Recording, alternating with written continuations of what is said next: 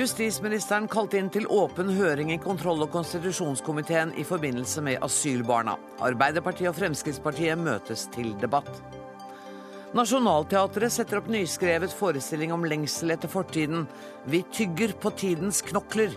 Gjør vi virkelig det, spør vi. Muslimer er mer kriminelle og mindre arbeidsvillige enn nordmenn. Det sa Max Hermansen, som i går tok initiativ til en antimuslimsk demonstrasjon i Oslo. Men er påstandene hans riktige? Forskere fra Statistisk sentralbyrå kommer med fakta.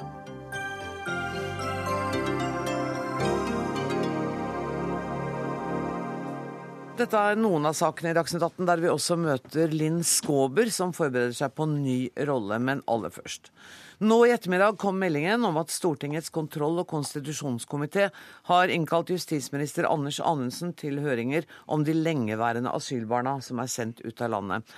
Jette Christensen, du er medlem av denne komiteen for Arbeiderpartiet.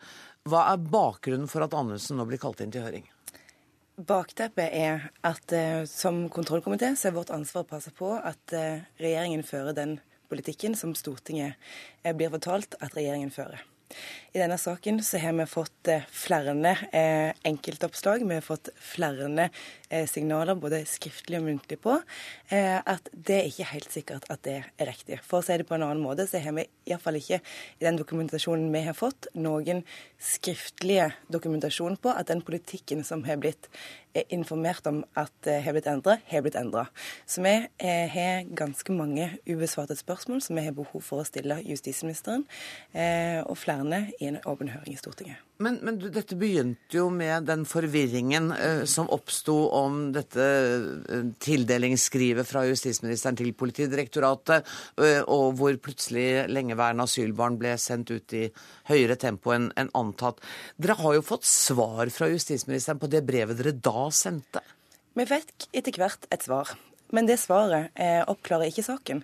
Det svaret oppklarer fortsatt ikke eh, om hvorvidt det justisministeren sa i Stortinget, stemmer overens med virkeligheten. Det oppklarer ikke eh, hvorfor det er sånn eh, at brev som er blitt sendt ifra eh, politiet også fram til eh, Anundsen, inneholder det nøyaktige motsatte av det som eh, Anundsen har gitt beskjed om til Stortinget at skjer. Sånn at vi har ingen dokumentasjon på at politikkendringen som er annonsert, har inntruffet. Samtidig så har vi fått beskjed om at eh, Anders Anundsen har vært løpende orientert om det politiet har eh, utretta. Politiet har selv sagt ved flere anledninger, senest, senest i begynnelsen av desember, eh, til Bergens Tidende, at de ikke har fått noe beskjed om å endre praksis. Mm. Da er det jo eh, ikke så veldig enkelt eh, å koble det til uttalelser i Stortinget om at de har gjort det. Eh, og særlig ikke all den tid Anders Anundsen eh, har fått beskjed om dette i brevs form, men eh, rett og slett ikke har lest det i brevene. Alt du sier nå går i retning av at du antyder, eller mer enn antyder, at eh, Anundsen har feilinformert Stortinget? Det jeg har sagt, eh, programleder, er at jeg ikke har sett noen dokumentasjon på at den politikkendringen som Anders Anundsen har varsla Stortinget om at det har skjedd, har skjedd. Helge Thorheim, du er også medlem av samme komité, altså kontroll- og konstitusjonskomiteen. Eh, for Fremskrittspartiet, eh, har Anundsen feilinformert Stortinget? Altså, Vi er vel av den oppfatning at han har gitt veldig gode svar, og klare svar. Og egentlig så begynte vel saken med det at han informerte Stortinget det var vel Venstre som eh, ba om anledning til å kalle Anundsen inn for å høre hvordan det gikk med dette med utsending, spesielt av langeværende barn. Men det var vel etter oppslaget i Bergens Tidende, så vidt jeg husker? Så det begynte vel med et oppslag i pressen? Det var ut ifra pressen, ja. ja. da, det er riktig.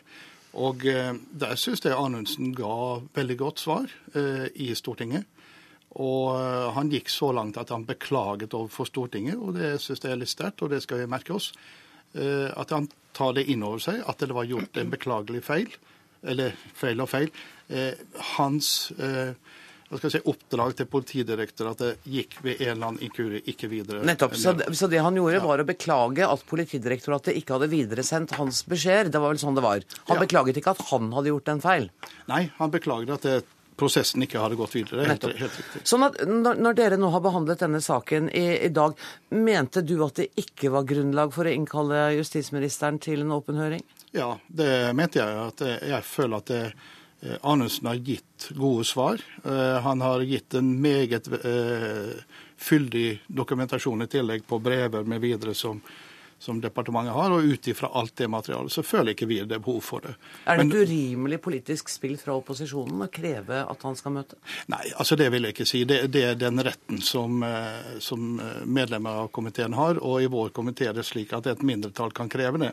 Det trenger fire stemmer i vår komité for å gjøre det. Og det fikk de i dag? Og det fikk de i dag, ja. Og eh, når det er sagt, så syns jeg det er helt greit at det blir en høring. Da får statsråden sjøl komme og forklare på nytt igjen.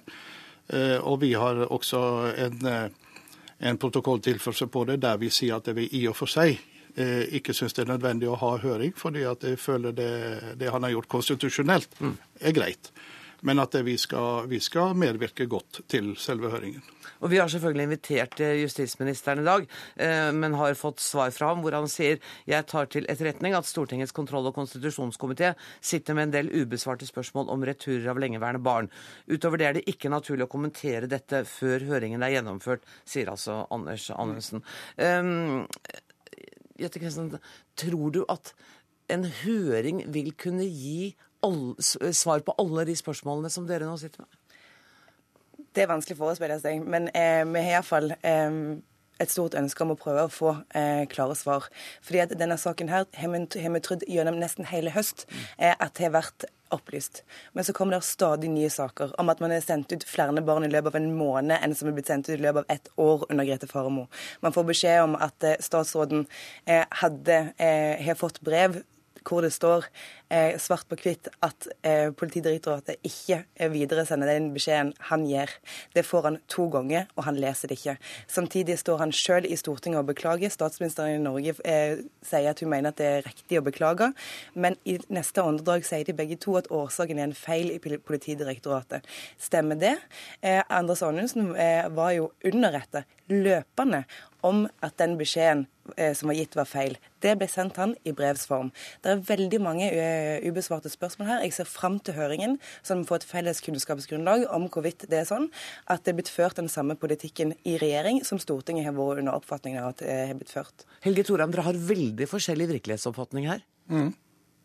Ja, det vil si Jo, det er det du sier, at du syns at justisministeren har gitt gode og utfyllende svar. Og så hører du hva Jette Christensen sier nå. Slett ikke.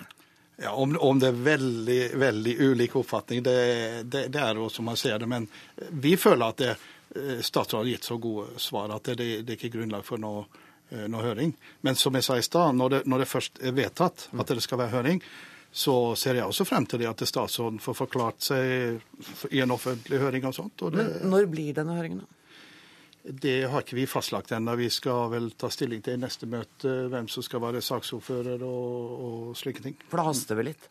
Det gjør det, eh, men kontrollkomiteen har flere høringer framover våren, sånn at vi eh, skal prøve å finne et tidspunkt som eh, passer ganske kjapt. Men samtidig så er det sånn eh, at jeg klarer ikke å forstå hvorfor Fremskrittspartiet kan si at vi har fått en god utfyllende dokumentasjon, all den tid den dokumentasjonen ikke inneholder eh, bevis på at det har blitt endra, den politikken som har blitt sagt skal bli endra. Jeg vil gjerne invitere dere til å ta på dere hodetelefoner og, og sitte her litt til, for vi skal snakke med Frøy Gudbrandsen. Vi skal eh, til Bergens Tidende, som er den avisen som har eh, både fulgt saken tettest, og som har kommet med flere avsløringer. Og Frøy Gudbrandsen, du er kommentator i Bergens Tidende. Du har doktorgrad på asylpolitikk og har fulgt denne saken. Um, kan jeg først spørre deg, Er det bra at det blir en høring i denne saken? Altså, det er i hvert fall forståelig at eh, de velger eh, høring. fordi Jeg er for så vidt enig i at Anundsen har kommet med uh, fyldig dokumentasjon, men dokumentasjonen svarer bare ikke på spørsmålet som ble stilt. For det det som er saken var at Regjeringen endret politikken for uttransport av lengeværende barn. Den beskjeden kom aldri fram til Politiets utlendingsenhet, som står for uttransportene. Og den Beskjeden som Anundsen har prøvd å formidle nå i det siste, også til kontroll- og konstitusjonskomiteen, er at ja, beskjeden nådde ikke fram, men politiet fulgte likevel den nye politikken. Eh, og det, og det er det vanskelig å tro på. Når man leser eh, dialogen som har gått mellom Anundsen og eller, altså Justisdepartementet og politiet, så er det altså ikke spor overhodet til at politiet har lagt om arbeidet sitt som følge av den nye politikken til regjeringen. Og i dag skriver dere at justisministeren har prioritert å sende ut barn og nedprioritert å sende ut kriminelle for å oppnå målet om totalt å sende ut 7100 utlendinger. Forklar hva er det som har skjedd her? Altså Det som har skjedd er at Eh, Anundsen har stilt veldig eh, harde krav til politiet for hvor mange som skal uttransporteres. og Særlig det som er vanskelig for politiet å gjennomføre, det er måltallene på asyl. Antall asylsøkere med avslag som skulle sendes ut. Og For å klare å nå det målet, de lå på etterskudd hele våren, men de ble pressa på at dette måtte de klare. Og For å klare det måltallet så var politiet nødt til å endre arbeidet sitt. Og Det er mye dokumentasjon på at politiet la om arbeidet for å nå det måltallet. Eh, og For å klare det så var det spesielt én ting de gjorde nå om høsten. De la ned et prosjekt som var spesielt retta mot vanskelige saker. Eh, det omhandler eh, bl.a. Altså kriminelle asylsøkere, folk som er utagerende, folk som Den type mennesker som man virkelig ønsker å få ut av landet. Krevende saker som tok ressurser. Kostnad for samfunnet. Men fordi her var det da færre som ble sendt ut eh, per årsverk, politifolk som jobba med det, så kunne de ikke la det fortsette. De var nødt til å legge ned dette prosjektet for heller å rette ressursene inn mot å få opp et høyt tall. På de som var lette å få ut? Ja. de det... som man visste hvor bodde og visste hvor gikk i barnehage og sånn? Er det ja. det du mener? Ja. Eh, så det betyr at de nedprioriterte da verstingene, kan man si, eh, for å få opp, eh, få opp, tallet. Og disse sakene forsvinner jo ikke. Altså, politiet klarte mer eller mindre å oppnå måltallet. Men disse vanskelige sakene, altså, de ligger jo der. De er jo ikke sendt ut av landet. Så det er jo bare en måte å pumpe opp tallet for å nå Anundsens mål, som han var beinhard på. Eh, Frøy Gulbrandsen, jeg går ut fra at Bergens Tidende kommer til å fortsette å følge denne saken? Jeg tror det.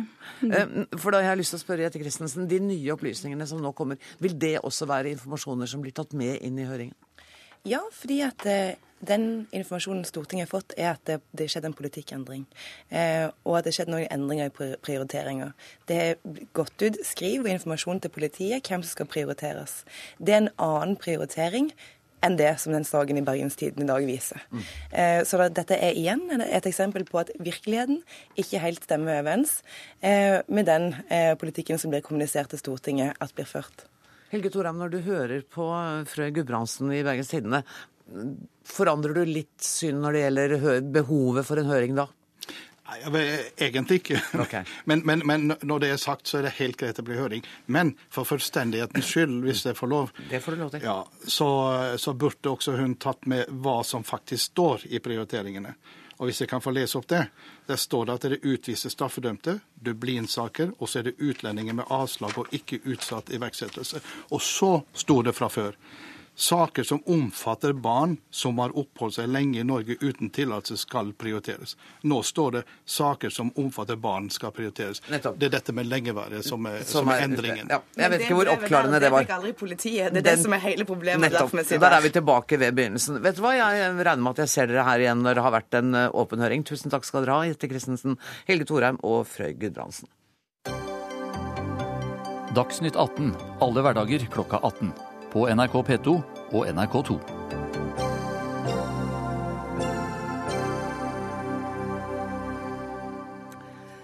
Det handler ikke om svarene, men om spørsmålene. Det sa regissør Jonas Corell Pettersen til Aftenposten.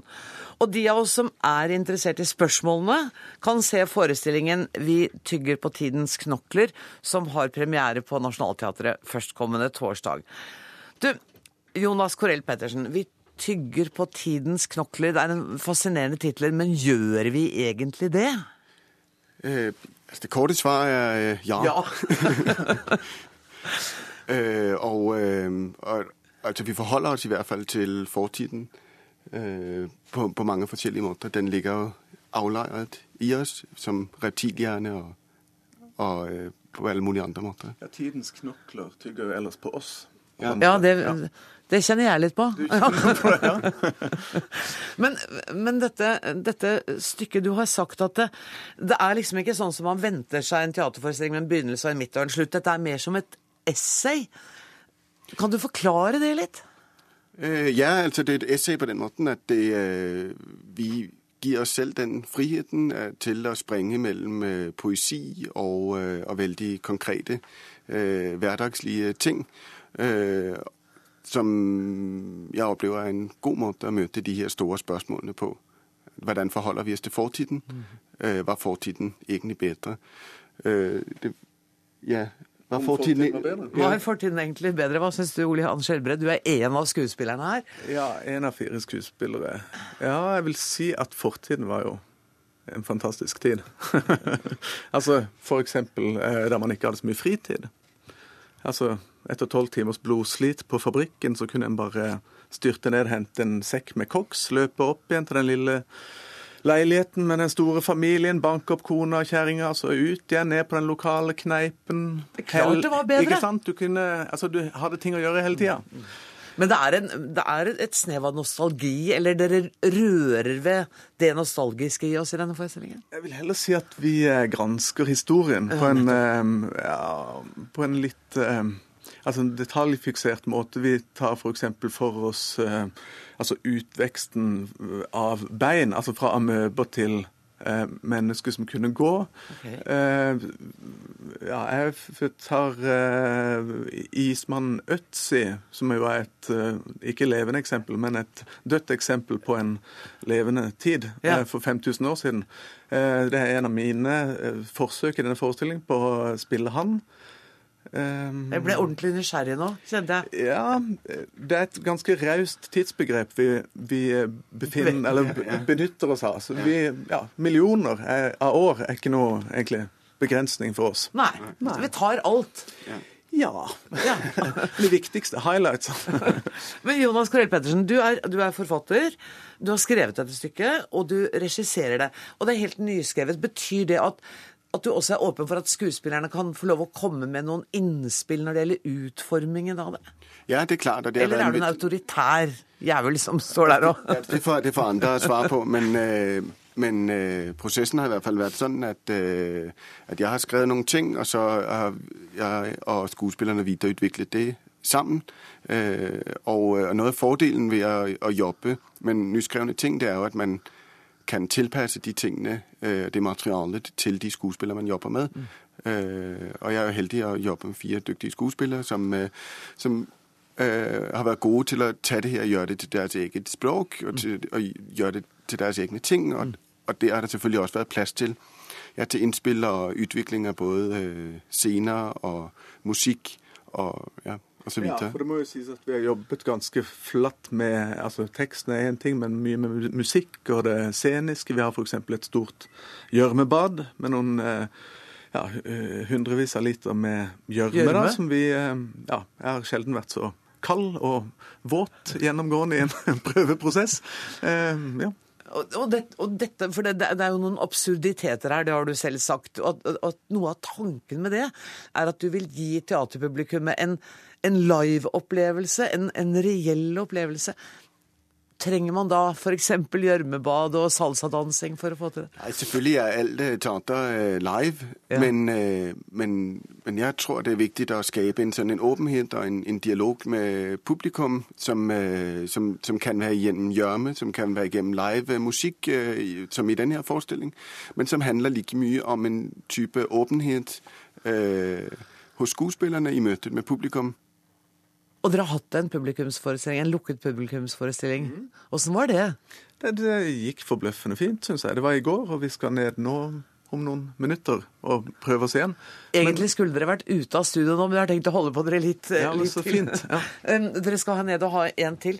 Er det, er det sånn at publikumsforestillinger er vanskeligere enn de vanlige forestillingene for det er mer kritikk? Eller? Både. Det fan- alt er jo Livet er jo en prøve, med, på en måte, så det, eh, det er en veldig god anledning eh, til å se hva som bor i materialet, og måtte liksom stå eh, fram med det.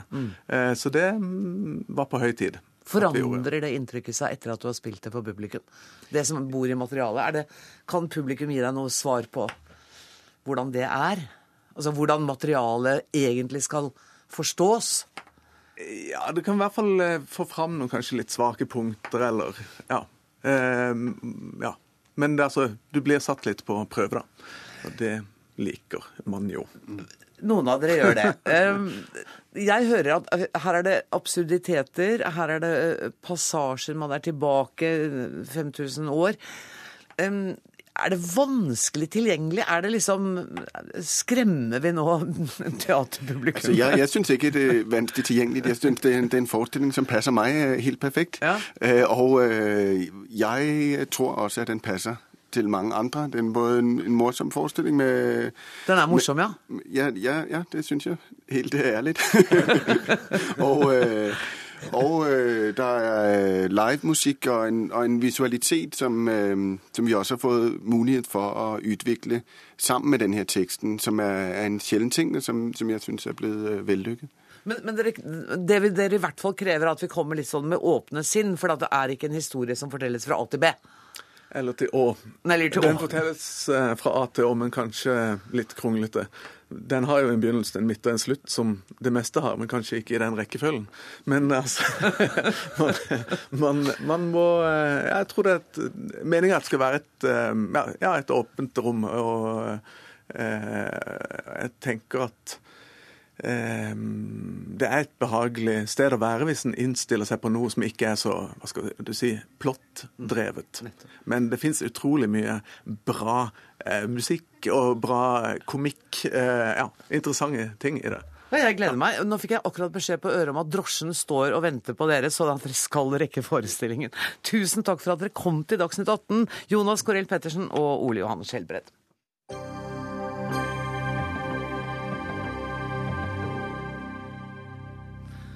I går ble det arrangert en antimuslimsk demonstrasjon i Oslo. Initiativtaker og taler var Max Hermansen. Dette sa han til de 190 fremmøtte i går. Vi er her som en eh, protestmarsj mot, eh, eller på et humanistisk grunnlag for å protestere mot eh, muslimsk innvandring og for, eh, eller mot eh, den påvirkningen islam har mot Norge. Det er en rekke problemer som eh, dette medfører for Norge. Og vi vanlige mennesker som opplever dette når vi går på eh, Når vi er på skolen, når vi er på jobb, i nabolaget, ikke minst i trafikken, så, så ser vi en rekke problemer som dette medfører. Og vi er nødt til å begynne å diskutere dette. Det sa altså Max Hermansen i går. Vi har selvfølgelig invitert ham eh, til Dagsnytt 18. Han sa ja til å være med, men sa nei da det var klart at det ble en debatt. Det vil han ikke delta i. Og Midan Ampour, du er daglig leder av Ungdom mot rasisme, og det var deg han skulle møte. Hvordan reagerer du på det lille utdraget du hørte nå? Nei, altså Man kan jo le av det når han sier ikke minst trafikken, men dette er jo alvorlig. Og eh, ikke minst sett i lys av debattklimaet som brer om seg i resten av Europa, så må denne type markeringer og demonstrasjoner eh, imøtekommes. Og det, er jo veldig synd at han trekker seg fra en debatt, for i demokratiet så er det jo nettopp det vi ønsker, å diskutere med hverandre. Um, du har sagt til en kollega av meg at det Hermansen bedriver er Breivik-retorikk. Ja. Kan ikke du utdype det litt for meg? Dette er jo manifestasjonen av tankegodset til Breivik. Han mente også at eh, Europa og Vesten var truet av muslimsk innvandring. Dette er eh, arrangøren, som også er en samfunnsfagslærer, veldig ærlig om. De demonstrerer imot muslimsk innvandring. Altså de demonstrerer imot eksistensen til innvandrere i Norge. Um, I appellen så refererte han til en del statistikk, og kom så med noen påstander om muslimer. Og Jeg har invitert et par SSB-forskere for å se nærmere på statistikken. Jeg skal snakke mer med deg siden, Mina. Velkommen til Torbjørn Skarhamar og Helge Nesheim. La oss først høre et lite klipp med en av påstandene. Det andre området er hva muslimer gjør mot oss norske, som eh, vi som bor i Norge. Det går bl.a. som eh, Statistisk sentralbyrå sin eh, statistikk viser, at muslimer i Norge er tre ganger så kriminelle som det vi norske er. Problemet er altså ikke eh, innvandring generelt. Problemet er ikke folk som kommer fra Polen, fra Chile eller fra Thailand. Problemet er altså at veldig mange muslimer er mye, mye mer kriminelle enn det vi norske er. Vi må prøve å rydde opp litt her. Torbjørn Skardamme, du er forsker i SSB, og særlig med kriminalstatistikk. Er dette riktig? Altså, han henviser jo da til en studie som, eh, som jeg har skrevet for noen år siden. Ehm, Det er da ikke en studie av eh, religion og kriminalitet. Um, og En av grunnene til det er jo at vi rett og slett ikke har informasjon om religiøs tilknytning i de registrene vi, vi bruker. Så det sier ikke noe om muslimers kriminalitet som sådan. Så han kan ha rett? Ja, altså det han har rett i, er Eller for å si hva den studien gjorde. Ja. Det var eh, å se på eh, straffereaksjoner i i, i be, befolkningen og fordelt på innvandrerbakgrunn, og gikk ganske detaljert til verks ned på de største enkeltlandene.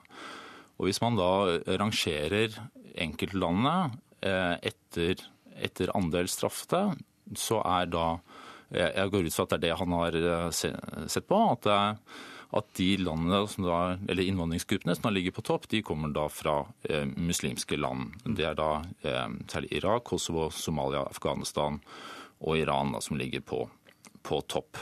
Men det sier altså ingenting om at det er muslimer? bare sånn at det er understreket. De kommer Nei. fra de landene. Det kan være Nei, Og så er, er, det også i de tallene så er, jo, så er ikke, ikke, etterkommerne med. altså Dette er innvandrerne selv. Så det er jo ganske mange uh, muslimer som ikke er med i den uh, tallet. Og så er det um, Så sier tallene um, um, jeg ser heller ikke noe om, om hvor, hvorvidt de som faktisk blir straffet, om, om de er religiøse. Man kan f.eks. tenke seg at, at, de som blir straffet, er de minst religiøse blant de fra denne, denne, denne gruppen. Det, det, vet vi ikke. Så denne bruken av statistikk er problematisk? Ja, altså den sier ikke noe om, Det sier ikke noe direkte om uh, mus, muslimer. Mm. Men det som kanskje er verre, er at uh, han viser da til de tallene som um, altså de, de rå tallene. Men så er kriminalstatistikken er drevet av unge menn. Det er de som figurerer mest der. Og i noen av disse, disse gruppene, eh, og særlig da disse landene med høyest andel straffede, er det en høy andel unge menn i, i, de gruppene. Så hvis man skal sammenligne likt med likt, ja. så endrer bildet seg en god del. Da da går overrepresentasjonen vesentlig ned. Det er fremdeles de samme landene som ligger på, på, på topp, men de skiller seg ikke så mye ut. F.eks. så vil, vil, de da ligge marginalt høyere enn innvandrere fra Sør-Amerika. Han nevnte at, at Chile var ikke, var ikke, problemet, men det, det ligger da hårfint under, da. Eh, og det er jo ikke et muslimsk land. Eh, han sier også noe om, eh, om muslimers arbeidsvillighet. Kanskje vi skal høre et lite kutt om det også. Det tredje området, som også er en katastrofe for Norge, er at et relativt lite antall av muslimer i Norge er i jobb. I snitt så er det under 50% For somaliere så er det så dårlig som 27,7 Helge Nesheim, du er seksjonssjef for arbeidsmarkedsstatistikken i SSB. Eh, det, det samme gjelder vel der, at dere ikke har forsket på religiøs bakgrunn på de som er utenfor arbeidsmarkedet? Nei, vi har ikke informasjon om eh, hvilken religion de har. De Så igjen, kan han ha rett? Nei, nei, der vil jeg si ganske bestemt. Altså Det er andre faktorer som er mye viktigere. Altså Det som er riktig i det, vi fordeler etter land folk kommer fra. Eh, og da er det riktig at de landene som har lav andel personer i arbeid, mm. de kommer fra land hvor islam er den dominerende religionen. Men det betyr ikke at det er eh, religionen som er styrende. Dette er personer som kommer til Norge som flyktninger. De kan ikke norsk. De har enten lite utdanning, eller de har utdanning som ikke er så relevant for arbeidsmarkedet i Norge. Mm. Og det blir veldig rart om de kom til Norge og var like stor andel i jobb som personer som ikke er innvandrere. Er det frustrerende for dere som er forskere, hvordan tallmaterialet blir brukt? Ikke bare av ham, men i det hele tatt i den offentlige debatt? Er det sånn at dere stadig vekk sitter og tenker i kveld skulle jeg vært i Dagsnytt 18 og liksom forklart dem hvordan det egentlig er? Av og til kan det, kan det være slik, ja. men eh, det er... Eh, dette eksempelet her er vel litt ekstremt. Og de fleste, når man får høre litt det jeg sa nå, vil tenke at sånn er det jo ikke. Og, eh, og en av grunnene til dette er jo når vi ser de som kommer som innvandrere som små barn og gjennomfører skolegang i Norge og lærer seg norsk språk og får norsk utdanning, da er jo forskjellen mellom de som ikke innvandrer, mye mindre. Nettopp. Og de som da igjen er barn eh, født i Norge av innvandrerforeldre, da er det enda mindre forskjell. Da er det enda mer lik de som eh, ikke inn, har innvandrerbakgrunn i det hele tatt. Så her er det opplagt andre ting som betyr mer. Og vi ser jo også det at er du f.eks. Eh, barn av innvandrere fra Pakistan har universitet- og høyskoleutdanning, så er det større andel som er i arbeid, enn om du er ikke-innvandrer og har videregående skole som høyeste utdanning. Så utdanningsnivået betyr veldig mye mer etter hvert, når man først har blitt integrert litt med språklige ting og sånn i Norge. Og det er jo ikke så rart. Nei, det er ikke rart i det hele tatt. Men det at dere ikke uh, fører statistikk på religiøs bakgrunn, er det noe dere vil vurdere å gjøre ettersom religion nå begynner å spille en så stor rolle i den offentlige debatten? Altså For min del så, um, så er altså religion er jo ikke et veldig sentralt tema i, i den kriminologiske litteraturen eh, internasjonalt heller. Dette, dette er ikke noe som Jeg har litt vanskelig med å se hvorfor religiøs tilhørighet skulle forklare narkotikasalg, f.eks. Nettopp. Nå har du hørt uh, forskerne som sier at går, man kan ikke bruke statistikken på, uh, på, denne måten. Blir du litt beroliget da? Altså, det som er eh, spesielt her, er jo at mennesker som Max Hermansen får sette premissene for debatten. Mm. Altså Man aksepterer utgangspunktet, som da er at man sidestiller eh, mennesker en, som har lik trostilhørighet, da til kriminelle handlinger, og ikke eh, andre som ikke har en religionstilhørighet, som ikke er, da er islam. Men det er det og, vi prøver å ikke gjøre i Dagsnytt 18, da. å ikke sidestille. Nei, altså her tar vi jo debatten, og det er jo kjempefint. Men det blir jo på Max Hermansen sine premisser, fordi de da impliserer at det er en relasjon mellom det å være muslim og det å være en kriminell. Mm. Men Max Hermansen gjør det jo av en grunn. Eh, TV 2s reporter Kadafi Zaman stilte jo et veldig godt spørsmål, og det var hvor kommer dette muslim- og innvandringshatet ifra? Og da er det jo at det alene kan jo ikke eh, Man finner jo ikke en årsaksforklaring i Breivik, for Breivik var jo også et resultat av noe annet igjen. Og der tror jeg begrepsbruken som individer som Max Hermansen og andre utsettes for, er med på å skape et sånt sammensurium hvor de ikke klarer å se forskjell på individer som eh, tilfeldigvis er religiøse, og individer som begår kriminelle handlinger. Men, men da, hvordan skal man bidra til å tydeliggjøre den forskjellen, da, syns du? Eh, jeg tror man, altså, man kan jo stille spørsmål. Altså, det blir litt av det samme som at man um, etter andre verdenskrig så var det veldig mye satire av jøder. Man mente at de var en maktgruppe, og det var berettiget. Og man så jo hvor feil det var i ettertid, i retrospekt. Men dette var jo ikke da jøder som er en maktgruppe som hersker over verden. Det var at det var først og fremst suksessrike mennesker som tilfeldigvis var jøder. Og Det samme eh, spiller jo da inn når det er muslimer. Altså du har med en gang nordmenn som har en utenlandsk tilhørighet, gjør det bra.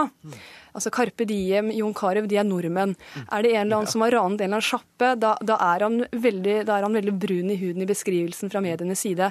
Og den samme øvelsen kan man jo gjøre. Altså Hvor mange kriminelle er, Hvor ofte hører man om en kriminell som har ateistisk bakgrunn eller kristen bakgrunn? Ikke sant? Og det er vel noe av grunnen til at man ikke uh, forsker med bakgrunn i, i religiøsitet. ikke sant? For hvordan skulle man ha definert opp med ateister og kristne og buddhister og jeg vet ikke hva. Det, det ville vel ikke være mulig? Nei, og det er noe vi ikke altså En ting er at vi helst ikke vil spørre om slike ting. Nei. Og det henger også sammen med at vi tror ikke det er en viktig forklaringsvariabel, rett og slett. Altså det er andre ting som betyr mer. Men det arbeidet mm. dere gjør, mm. har jo en direkte innflytelse på den offentlige politiske debatten. Ja, eh, og, det er litt sånn dilemma i det. Vi ønsker jo på en måte å belyse hvordan forskjellige folk har det i Norge ja. i forhold til at myndighetene har behov for å sette inn virkemidler. Eh, og, og, da vet jeg klart at innvandrere kommer til landet. De har behov for introduksjonsordning osv. Og, så og da har de behov for data om hvor mange er dette, hvor bor de igjen osv. I forhold til å planlegge eh, bomiljøer, alt mulig, skoler, alt mulig slikt. Så, så, det er behov for den type informasjon for at man skal hjelpe i utgangspunktet de som har behov for det. Mm. Og så er det et dilemma, som sagt, at det kan da, da brukes til å stigmatisere de av samme type data. Vi håper at vi har bidratt til det motsatte akkurat her i Dagsnytt 18. Tusen takk for at dere kom. Takk til Min Adampour, Helge Nesheim og Torbjørn Skarhamar.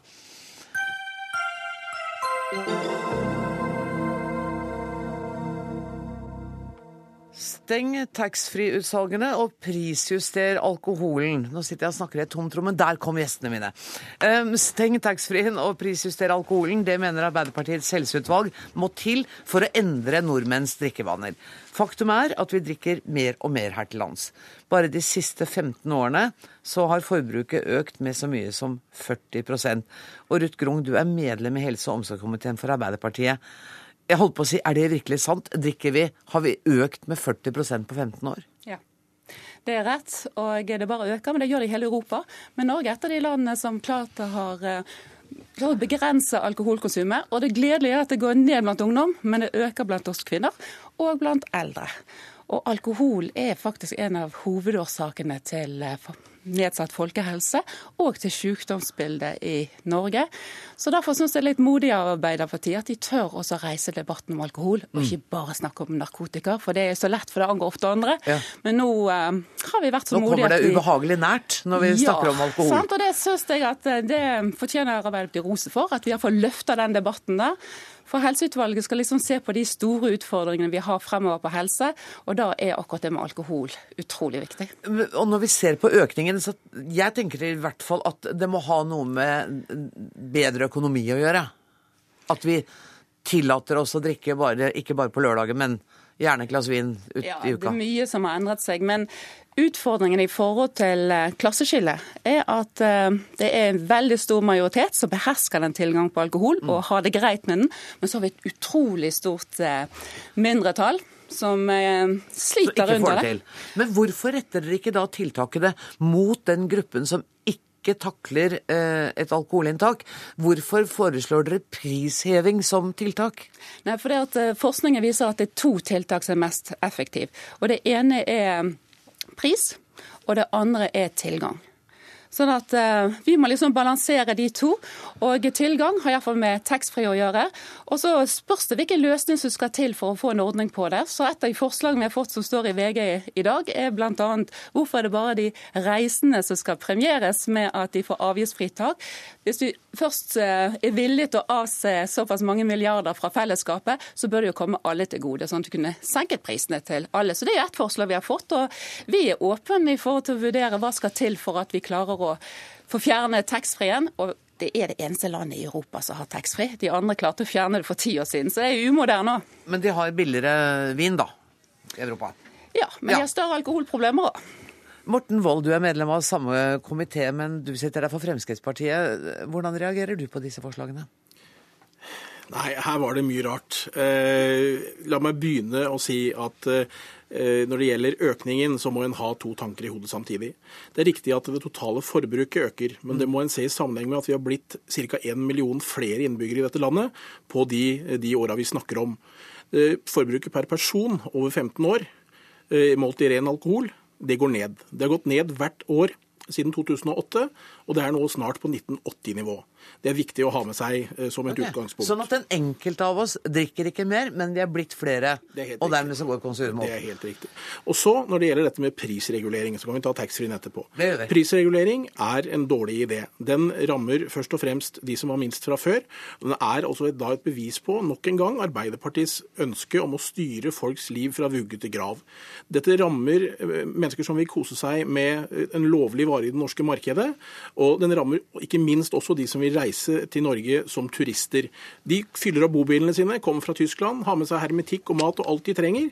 Og det eneste de legger igjen fra Lindesnes til Nordkapp, det er det vi tømmer fra bobilen. Men du kan ikke få, få spørre litt Arbeiderpartiet, for da driver dere da med, med statistikkjuks? Hvis det er riktig som Fremskrittspartiet sier, at den enkelte av oss drikker faktisk ikke mer, men vi er blitt såpass mange at det totale konsumet er større? Nei, vi eh, baserer oss på Jeg må få vite hva som er riktig her. Dette er, dette er tall fra Sirius, Statens eh, institutt for rusmiddelforskning. Ja, og vi har også de samme tallene. Så det, at, men, men, det kan vi egentlig diskutere. Nei, det, det dum sånn Hadde det ikke vært kjempegreit hvis dere hadde hatt et felles utgangspunkt for det dere diskuterte, sånn at dere hadde en mm. felles virkelighetsforståelse? Ja, Men altså, den samme kilden sier jo at det har økt så mye som du sa innledningsvis i forhold til de siste årene. Og det har ikke bare med befolkningsøkning å gjøre.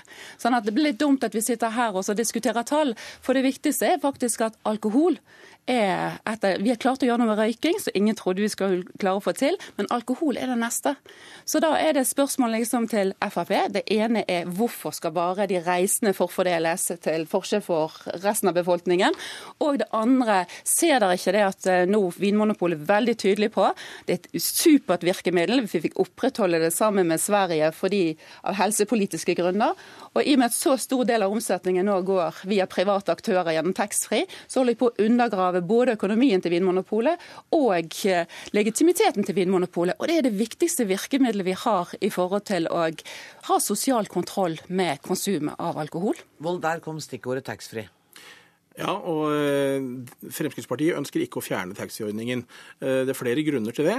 Eh, det er ikke sånn som Grung hevder, at det er bare de, reis, altså det er bare de velbemidlede eller, som reiser. Nesten hele Norges befolkning reiser. Det har blitt billigere å reise. Det er veldig lave priser på flybilletter.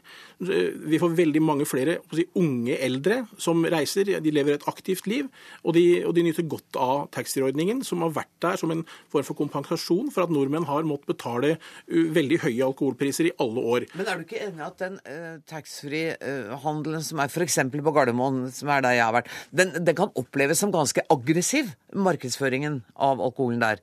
Du går omtrent Nå vet jeg at det er åpnet en mulighet til å gå utenom, men, men hovedtyngden av oss går igjennom den butikken. Ser du ikke at det er problematisk? Det er jeg enig i, og det har også eh, selskapet som driver der oppe gjort noe med. Eh, det var en, et resultat av en ombygging. Eh, nå er jo også Vinmonopolet en, en markedsdrevet bedrift som også skal tjene penger. Så jeg tror hunden egentlig ligger begravet her, er Arbeiderpartiets kamp for Vinmonopolet. Og vi står også bak Vinmonopolet, og den norske alkoholpolitikken ligger fast gjennom den avtalen som gjelder mellom regjeringspartiene og Venstre og Kristelig Folkeparti. Så når Arbeiderpartiet nå ønsker å avvikle denne ordningen, så tar man heller ikke hensyn til at det ligger en avtale i bunnen her som gjelder i åtte fulle år til for det selskapet som eh, drifter taxfree-salget ved, ved norske flyplasser. Og ett element til de pengene som en får inn via taxiordningen, drifter altså eh, til sammen 46 norske flyplasser. Hvis en fjerner disse pengene, så vil Avinor gå ca. 1,3 1,5 milliarder kroner i underskudd. Hvordan skal Arbeiderpartiet finansiere det? Kommer de pengene over statsbudsjettet, eller vil, vil det bli dyrere flybilletter for folk som skal reise fra Tromsø til Oslo f.eks.? Jeg vet ikke om dere har tatt det med i betraktningen, Grong? Jo, for det er et av de hovedargumentene mot taxfree. For det er helt rett at taxfree er med å finansiere spesielt små flyplasser, men egentlig flyplasser. Og Arbeiderpartiet kan garantere at det skal opprettholdes. At vi klarer å finne en løsning, for det er ikke rett at det er billig sprit som skal subsidiere småflyplassene i Norge. Det må vi klare å finne en løsning på, om det er beredskap beredskap eller andre hensyn. Men det er to til tre milliarder av avgiftspenger som eh, vi gir til den lille gruppen som Frp ønsker å beskytte, som er reisende til fordel for de andre. Av de kan vi også bruke til å støtte opp under flyplassene. Så det kan vi garantere at det skal vi finne en løsning på. Det dere har satt i gang nå er et langsiktig arbeid, for sånn som situasjonen er i dag, så vil det vel ikke få flertall for det i Stortinget eh, nå, kanskje? Det er ikke Eller da ble jeg litt tvilnørt, jeg. Nei, ja. man vet jo ikke hva Kristelig Folkeparti vil gjøre. Det er helt rett, eh, så de sier at det er en langsiktig avtale til ut to 2022. Mm. Eh, men så er det en klausul inne at hvis myndigheten gjør vedtak på noe annet, så oppheves den. Så vi fikk eh, flertall før jul med Venstre og KrF for å se på ordningen. Og hvis det fortsetter å utvikle seg sånn som det gjør med taxfree, altså det økte med 30% etter at de byttet om tobakk til eh, alkohol, og det er masse røde tall for flere vinmonopol, så da tror jeg at folk skjønner at det er viktigere å opprettholde Vinmonopolet enn taxfree. Tusen takk for at dere kom til Dagsnytt 18, Ruth Grung og Morten Wold. Hør Dagsnytt 18 når du vil. Radio NRK.no. De forberedende samtalene om det planlagte toppmøtet om situasjonen i Øst-Ukraina ble i går avsluttet etter fire timer. Utenriksministrene fra Ukraina, Russland, Frankrike og Tyskland rakk ikke engang å bli enige om en dato for det planlagte møtet før de dro hver til sitt. Morten Jentoft, du er utenrikskorrespondent i NRK med oss fra Russland. Fortell oss helt kort, hva slags møte var det vi snakket om i går? Dette er en del av en prosess som nå er på gang, der altså Frankrike og Tyskland prøver å være en slags mentorer overfor Ukraina og Russland for å få eh, disse fredssamtalene eh, på plass. Man kaller det for eh, Normandie, eh, eh de fire fra Normandie, fordi at man møttes jo under eh, markeringen i Normandie i juni i, i, i, fjor. Dette er det man nå prøver å bygge videre på. og Meningen var jo da som du sa, at dette møtet i dag skulle danne grunnlaget for et mulig toppmøte mellom Ukraina og Russland eh, for å få til en mer forpliktende avtale for fred i Ukraina. Det lykkes man ikke i, men man sier jo eh, i en uttalelse fra møtet at man skal fortsette å, samme, å, å, snakke sammen, og at man skal jobbe for en såkalt konstruktiv løsning der alle parter blir tatt hensyn til. Det kom en melding i dag om at uh, Ukraina ønsket dette møtet allerede nå på torsdag. Det er vel i hvert fall urealistisk? Ja, Det er helt urealistisk. Det var meningen at Porosjenko og Putin skulle møtes i den uh, kasakhstanske hovedstaden Astana. Uh, det hadde Porosjenko selv sagt uh, på slutten av 2014. Men Tysklands forbundskansler Angela Merkel sa at det er ingen vits å dra til Astana hvis man ikke har noe konkret å komme frem til på det møtet. Og det var tydelig at det var man ikke enige om under møtet i samtalen i Belgia i går kveld.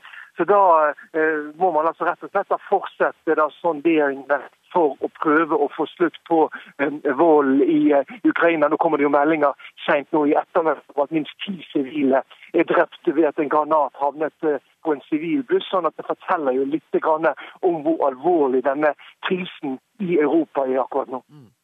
Jeg har også sett nyhetsmeldinger for noen timer siden som sier at president Putin vil øke den militære tilstedeværelse, ikke bare i Ukraina, men litt sånn vil vise sine militære krefter. Det bidrar vel heller ikke til noe tøvær mellom Russland og Nato? Nei, Nå er dette for så vidt uh, gamle uh, tanker som man kommer ut med, konkretiserer akkurat nå. Man sier at man vil prioritere Forsvaret uh, bl.a. på Krim, som jo Russland har annektert fra Ukraina. I Kaliningrad, enklaven mot Østersjøen. Og interessant sett med norske øyne også i Arktis. Mm. Dette er også ting som man har kommet fram med tidligere. Dette ligger i den nye militære doktrinen som Russland nå har vedtatt, der man altså nå igjen sier at Nato faktisk er en trussel mot Russland. Julie Wilhelmsen, du er seniorforsker ved Norsk utenrikspolitisk institutt. Jeg går ut fra at du ble ikke overrasket over at de fire brøt samtalene? Eh, nei, for så vidt ikke. For den situasjonen vi har nå, er jo slik at man har den såkalte Minsk-protokollen, som eh, muliggjør en slags våpenhvile, men at eh, begge parter, eller det er jo flere enn en to parter her egentlig, eh, mener at eh, den andre ikke overholder eh, den protokollen, det man lovet i den, i den protokollen. Eh, og man er i en situasjon hvor for å få til en, en, forhandling, så må man være villig til å inngå kompromiss. Men det er egentlig ingen av sidene. Og da, når jeg mener sier sidene her, så mener jeg at Kiev ikke er det, og at Russland eh, definitivt ikke er, eh, gir opp sin brekkstang innad i Ukraina før de ser at noen av de kravene de har på bordet, blir møtt. Men du, Kan det oppleves litt som det som vi kaller rått parti fra Russlands side, med Ukraina, Frankrike og Tyskland, at de kan oppleves som motstandere, og at det også bidrar til den spente situasjonen? Ja, på én måte, men jeg tror eh, den viktigste eh, faktoren her, eh, som man ofte ikke tar med i beregningen, det er at Russland nok gjerne vil komme i dialog med Europa, Tyskland, Frankrike, og syns det er fair at de er med okay. på en, en, en forhandling. Men er ikke det litt rart, når Putin stadig har en retorikk som sier at vi, blir, vi er liksom ofre for Vesten? Jo, men, men, eh, den aktøren vi da ikke nevnte, det var USA. Mm. Og det er, eh, det er, eh, russernes I deres retorikk så er det USA som er den store fienden her. Og det er klart at så lenge vi er i en situasjon hvor Kiev-regimet har sagt at deres alliansefrihet ikke eksisterer lenger, de kan altså godt bli Nato-medlem, og samtidig så er det slik at i desember så undertegnet Obama det Ukraine Freedom Support Act, som muliggjør amerikansk militær bistand til Ukraina, så vil nok det være noe Russland ser på eh, og tenker at OK, så lenge det er en mulighet, så eh, vil vi også holde muligheten oppe for å fortsette å bevæpne separatistene i, i Øst-Ukraina. ikke sant?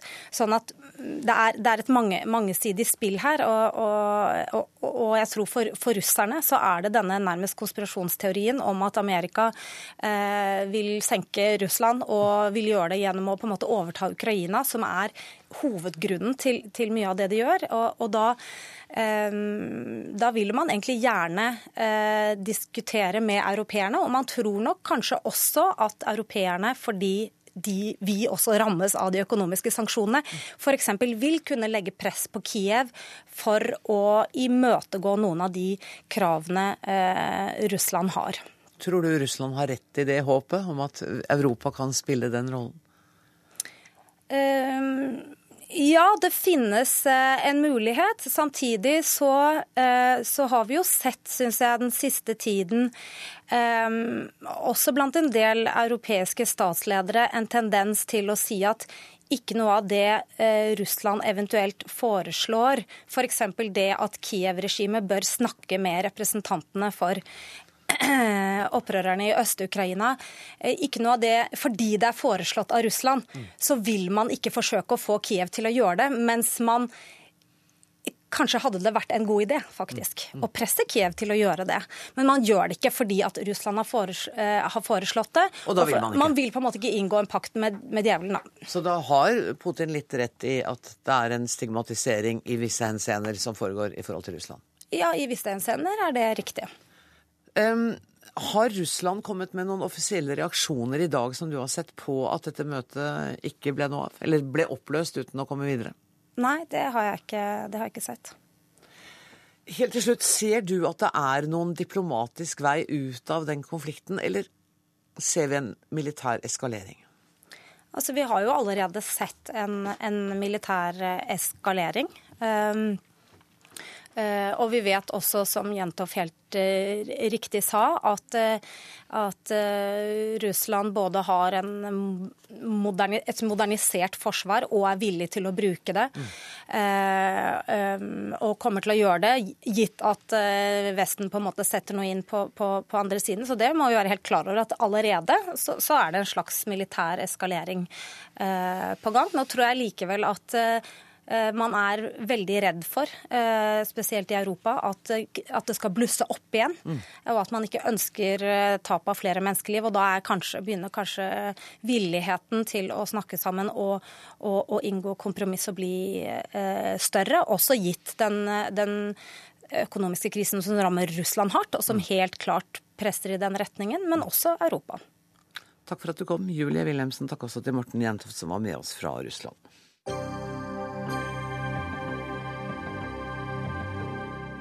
Da skal jeg si velkommen til eh, Linn Skåber. Uh, hjertelig velkommen til Dagsnytt 18. Dette er jo ikke ditt faste forum, på en måte. Kan bli. Og så lurer jeg på Ja, for det, jeg lurer på om det har vært en liten misforståelse her. For at jeg så at du skrev på Facebook at du ikke skulle snakke om oljepriser og alternative energikilder i framtida, men det hadde jeg tenkt. Ja, du tenkte ja. det? Da ble jeg glad for å høre. Du, nei, jeg skrev ikke at jeg ikke skulle det. Altså, jeg skrev først, jeg skulle bare lokke folk ja. til å høre på, og nå sitter de og hører på og regner regne med det. Men de skal, få, de skal få høre på om kunst i stedet.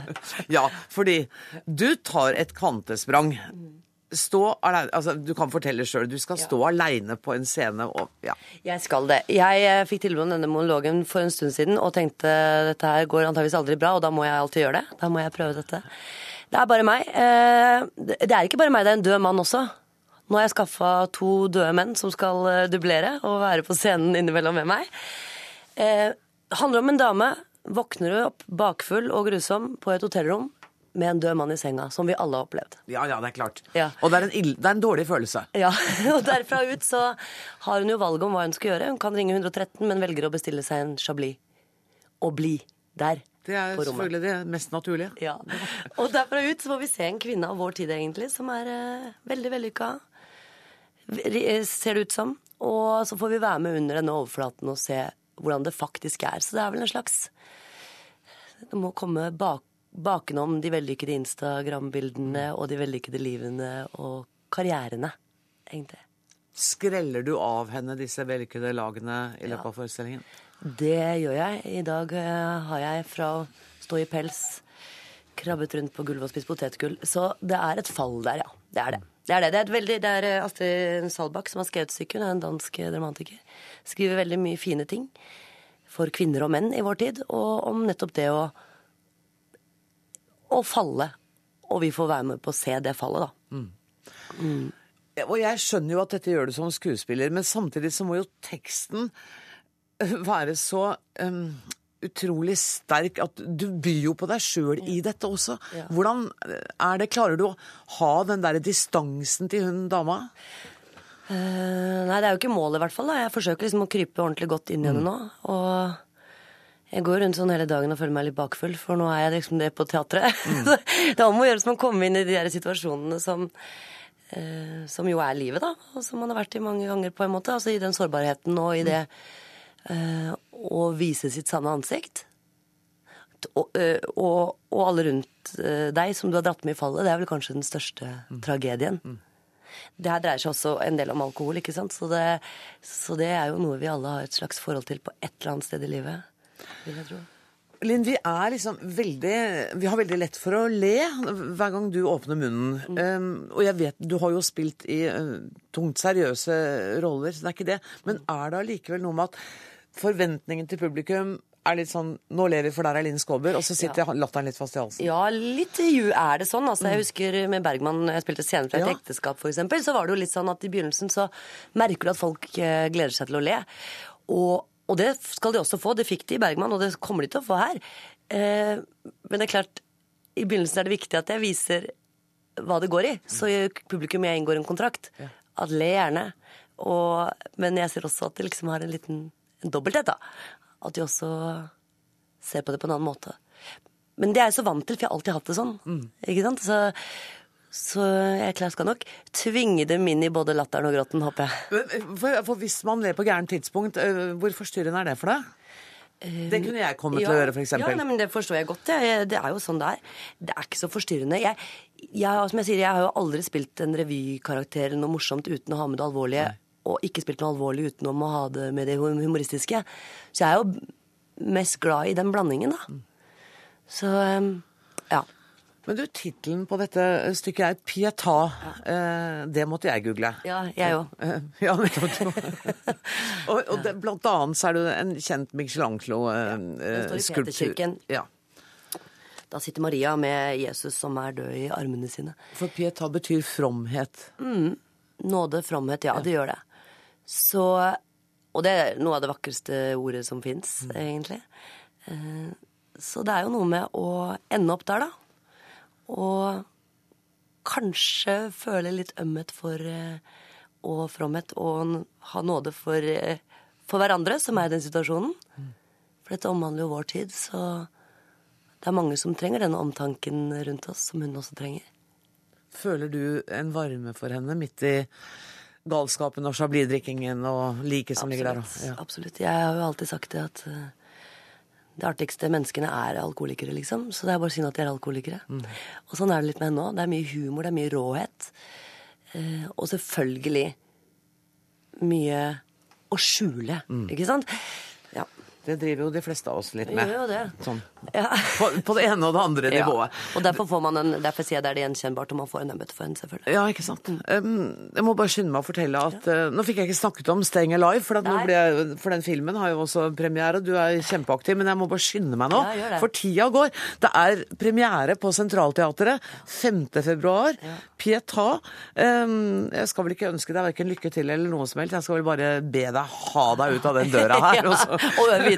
og øve videre. Ja, Veldig koselig at du kom. Helt til slutt før du går, skal jeg bare si at i dag var det Ida Tune Ørritsland som var ansvarlig for Dagsnytt 18. Det tekniske ansvaret har Lisbeth Sellreite, og jeg heter Anne Grosvold. Takk for det.